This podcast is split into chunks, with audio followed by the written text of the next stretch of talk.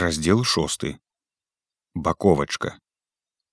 Левинсон глубоко верил в то, что движет этими людьми не только чувство самосохранения, но и другой, не менее важный инстинкт, скрытый от поверхностного глаза, неосознанный даже большинством из них, по которому все, что приходится им переносить, даже смерть, оправдано своей конечной целью, и без которого никто из них не пошел бы добровольно умирать в Улахінскай тайге. А Фадеяў. І калі яны пайшлі і здаліся, ніхто ў нас нічога не сказаў. Усе маўчалі, быццам і не заўважылі. Каля мяне былі два малазнаёмыя мне таварышы, рускія з былых нямецкіх ваеннапалонных. Яны не размаўлялі, стаялі моўчкі і ўвесь час пільна сачылі ў акно за ворагам з гранатамі на пагатове. Я пайшоў паглядзець, што робіцца ў другіх пакоях. У першым пакоі ўбачыў ракоўскага. Некалькі гранат ляжала перад ім у кутку. Ён уважна пераглядаў іх адну па адны. Агледзець і адложыць, агледзець і адложыць. І тут каля акна стаяла двух былых ваеннапалонных. У другім пакоі каля балконных дзвярэй стаялі арон і шэшкас, Яны стаялі з двух бакоў пабітых шкляных дзвярэй і прыглядаліся з-за вушакоў на вуліцу. Арон аклікнуў я свайго брудзянніскага друга. А мацей, ну як братка маешся. Зусім спакойна адгукнуўся ён і падышоў да мяне.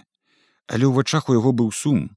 Ён паклаў сваю вялікую руку мне на плячо і як бы не ведаў, што сказаць.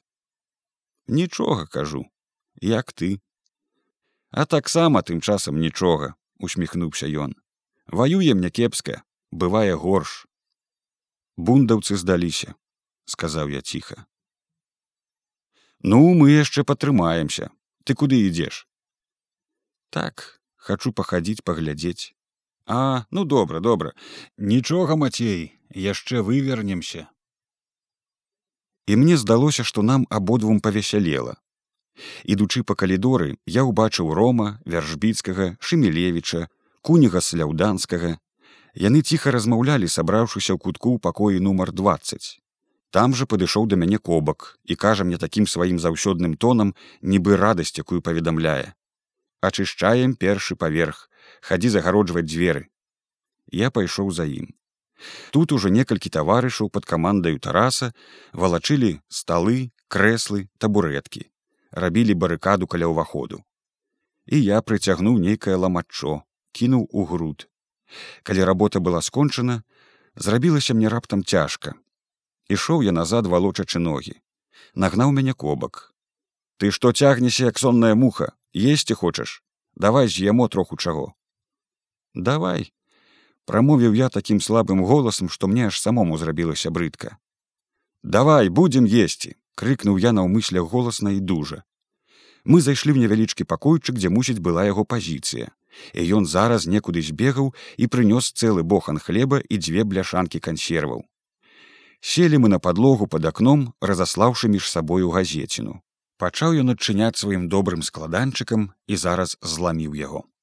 Мне было вельмі шкода такога добрага складанчыка. І ён пачырванеў, але жартліва буркнуў: « Ну, глупства, тут не такое ламаецца. Тады пачаў адчыняць я гэтым яго зламаным ножыкам. Скрэмсаў усю крышку, толькі сок пацёк, папэцкаў я сабе рукі і штаны. Ты не адчыніш, кажа ён, дай-ка я зноў. Бярэ і лоўка і хутка адразае перада мною пакрыўленую крышку. Во як трэба, кажа. А ў гэты момант некалькі куль у наша акно.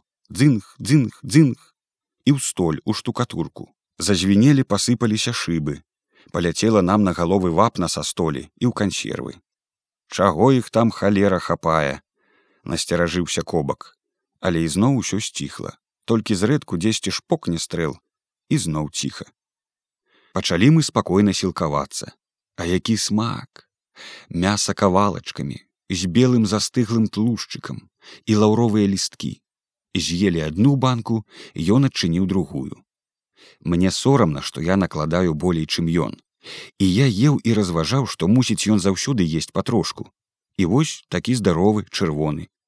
А я заўсёды з'ем усё датла, што пападзецца, і мне заўсёды хочацца есці, і я худы і бледны. Чаму гэта так? прырода такая ці ў страўніку што-небудзь не ў парадку аб чым задумаўся кажа ён кінь журыцца справы нашы някепскія па-першае мы іх усё ж такі добра праўчылі а па-другое пралетарыям няма чаго губіць апрача сваіх ланцугоў. Аднак жа лепей жыць чым паміраць запярэчыў я. От так сабе дзеля свае прывычкі казаць але або аднак наўпроціў сказанага. Чаго нам паміраць? Вось пакуль што не забілі а прыйдзецца памерці дык што такое? Дзвюм смерцям не бываць аднай не мінаваць прамовіў ён прыказкаю і засмяяўся з'елі мы і другую банку. Прынёс яшчэ дзве. З'еў я і тыя. Тады прынёс ён адразу іх штук дзесяць. Бяры кажа у запас. Ты як відаць любіш кансервы. А сам ужо стаў пры акне. Напіхаў я сабе банак у кішэні хлеба адшматаў добры кавалак і таксама пайшоў на сваё месца. І хрыпкі ў горле ў мяне ўжо не было. З'явіўся сыты голас. І быў я вельмі здаволены, што так наеўся. Я не ведаю, каму з іх першаму прыйшла думка скончыць самагубствам. Яны ж нам нічога не сказалі, сабраліся кучачкаю і пастанавілі. Якія матывы былі ў іх, мне таксама невядома. Хтосьці пазней успамінаў, што Шемелевіч нібыта казаў: « Не дамося жывымі, бо яны скуру будуць з нас здзіраць а ром нібыта заўважыў гэта самае лепшае што мы можам цяпер зрабіць я не ведаю хто што як тады казаў з іх але думаю што калі што і было імі казана дык мусіць для другіх для тых для каго ім трэба было так казаць а імі самімі кіравала толькі тая лінія якая была ім уласціва якая праяўлялася ў некаторых з іх можа толькі падсвядома але здавалася самай правільнай лініяй Тарас пазней апавядаў, што ён рукі ў шемелевіча цалаваў, прасіў, каб не рабілі самагубства. Аднак жа яны стаялі на сваім. Ром сказаў яму: « Кінь Тарас умаўляць. Мы павінны гэтак зрабіць, калі прарвацца нам не ўдасся. Згаварыліся Ром, Шемелевіч, куніга сляўданскі і вяржбіцкі. Ведаў Тарас. Як даведаўся кобак, мне невядома калены пайшлі да ўмывальніка мыліся абціраліся і гутарылі да іх падышоў і гутарку іхную пачуў таварыш аз яго я ведаў вельмі мала быў ён нізенькі шчупленькі непрыгожы з рыжымі калматымі навіслымі вусікамі рабочы яўрэй гадоў сарака казалі мне потым што быў ён раней анархіст у кампартыю перайшоў улетку 1918 года быў ціхі непрыкметны жыў дзесьці ў звярынцы там у яго была сям'я. Ён пачуў іхнюю гутарку і сказаў: « І я з вами пайду. Яны ж умаўлялі яго, каб не ішоў. Казалі: не ідзі, табе нічога не будзе. А ён пайшоў. На падворку прыгнуліся і шыбка перабеглі каля дроў да дашчатага плоту, што адгараджаў падворак Антановіча ад клубнага падворка. Выламалі дошку, пралезлі ў дзірку і кінуліся на кватэру да вяржбіцкага. Наперадзе быў пэўна вяржбіцкі як гаспадар. За ім ром шемелевич куніга сляўданскі. Адзаду, але не астаючыся аз, але дзвярэй кватэры нагнаў іх яшчэ кобак. Усяго шэсць чалавек ішлі на смерць.